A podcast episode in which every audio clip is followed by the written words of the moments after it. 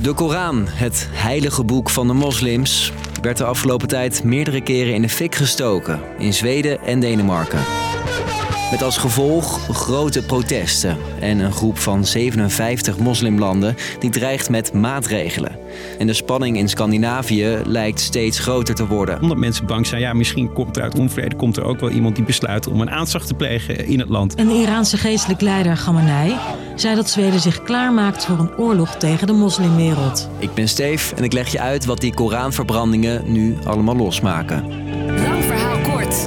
Een podcast van NOS op 3 en 3FM.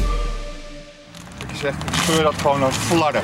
Eh, Want de Koran heeft hier in Nederland gewoon helemaal niks te zoeken. Ja, ook in Nederland zijn Korans in het openbaar Ruim het verscheurd zo meteen wel weer op. of verbrand. Sommigen vinden dat dat moet kunnen, anderen maakt het boos. Ik vind het in de eerste plaats het levende voorbeeld van dat bezuinigingen op de GGZ niet eh, werken in Nederland. Het is gewoon provocerend dat ze het boek willen verscheuren of verbranden. Maar in Scandinavië, Denemarken en Zweden om precies te zijn, lijken dit soort verbrandingen veel vaker te gebeuren. Zoals afgelopen week in Zweden. Je hoort mijn collega Tom Edinger van de buitenlandredactie. Dat is gebeurd op eh, plekken eh, zoals bijvoorbeeld ambassades van moslimlanden of bijvoorbeeld bij het Zweedse parlement. Openbare en symbolische plekken. Een jaar of vier terug bleek het in de brand steken van Korans al een manier om aandacht te krijgen in binnen- en buitenland. Police authorities in the country have granted permission for protesters to burn Muslim holy book of Quran. Mass demonstrations fill the streets in Yemen's De mensen die dit doen zijn kritisch op de islam. Die zeggen de islam is niet een religie die we moeten toestaan. Die zeggen die vertegenwoordigt niet de waarden die wij in dit land hebben. Dus steken ze de Koran in de brand om zo duidelijk te maken dat vrijheid van meningsuiting een belangrijke waarde is. Maar ja, het maakt veel woede los in moslimlanden. Veel mensen zijn boos omdat de Zweedse regering de verbrandingen niet tegenhoudt. In Pakistan zijn massademonstraties, Zweedse vlaggen gaan in de fik. En hier hoor je honderden mensen de Zweedse ambassade in Bagdad in Irak bestormen. Het is echt een belediging en dit moeten we niet willen. Dat is hoe veel moslims denken, zegt Arabiste en juriste Laila El-Zwaini tegen mijn collega's van Met het oog op morgen. Het is natuurlijk een heilig boek. Een heel belangrijk symbool voor de islam.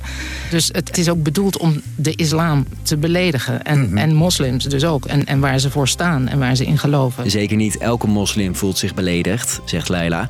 Maar de verbranders kwetsen wel degelijk mensen. En dat zijn ook eh, niet eens de meest extremistische. Want ik hoor en zie op sociale media ook eh, jonge moslims die ook in eh, Europa wonen. En ja, die daar ook aanstoot aan nemen.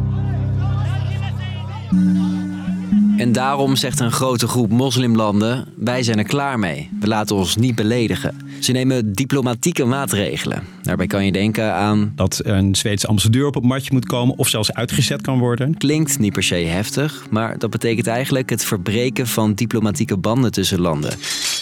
En ook gaat het over economische sancties. Daarbij is bijvoorbeeld het risico dat Zweedse bedrijven met sancties te maken krijgen of dat er op Zweedse producten een, een verbod komt. Zover is het allemaal nog lang niet.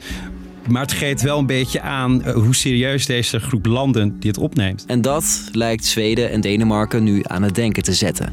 Beide landen zien het liefst ook geen Koranverbrandingen meer. Maar het verbieden. Dat is een groot ding. Dat, daar voelen mensen weinig voor. Daar voelen de regeringen ook weinig voor. Het heeft alles te maken met. Vrijheid van meningsuiting. En vrijheid van meningsuiting is gewoon een heel groot goed. Is heel erg belangrijk. Daar heb- heeft de Zweedse premier ook van gezegd. eh, daar gaan we niet aan zitten. De Deense regering wil wel onderzoeken of Koranverbrandingen verboden kunnen worden. Ondertussen maken beide landen zich zorgen om hun veiligheid.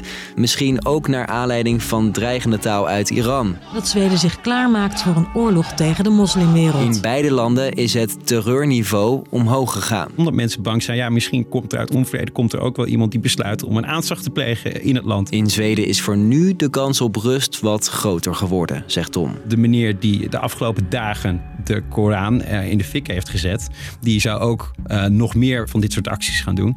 Die heeft nu al besloten om dat niet te doen. Dat is ook na gesprek met eh, de regering. Die heeft gezegd van doe het alsjeblieft niet, want eh, je brengt mensen er misschien wel mee in gevaar. Dus, lang verhaal kort. In Zweden en Denemarken gingen de afgelopen tijd meerdere Korans in vlammen op. Dat doen mensen die iets tegen de islam hebben en willen provoceren. En dat lukt aardig. In moslimlanden gaan veel mensen boos de straat op. En een grote groep landen dreigt met maatregelen tegen Zweden en Denemarken. Dat was hem voor nu. Morgen een nieuwe. Doei!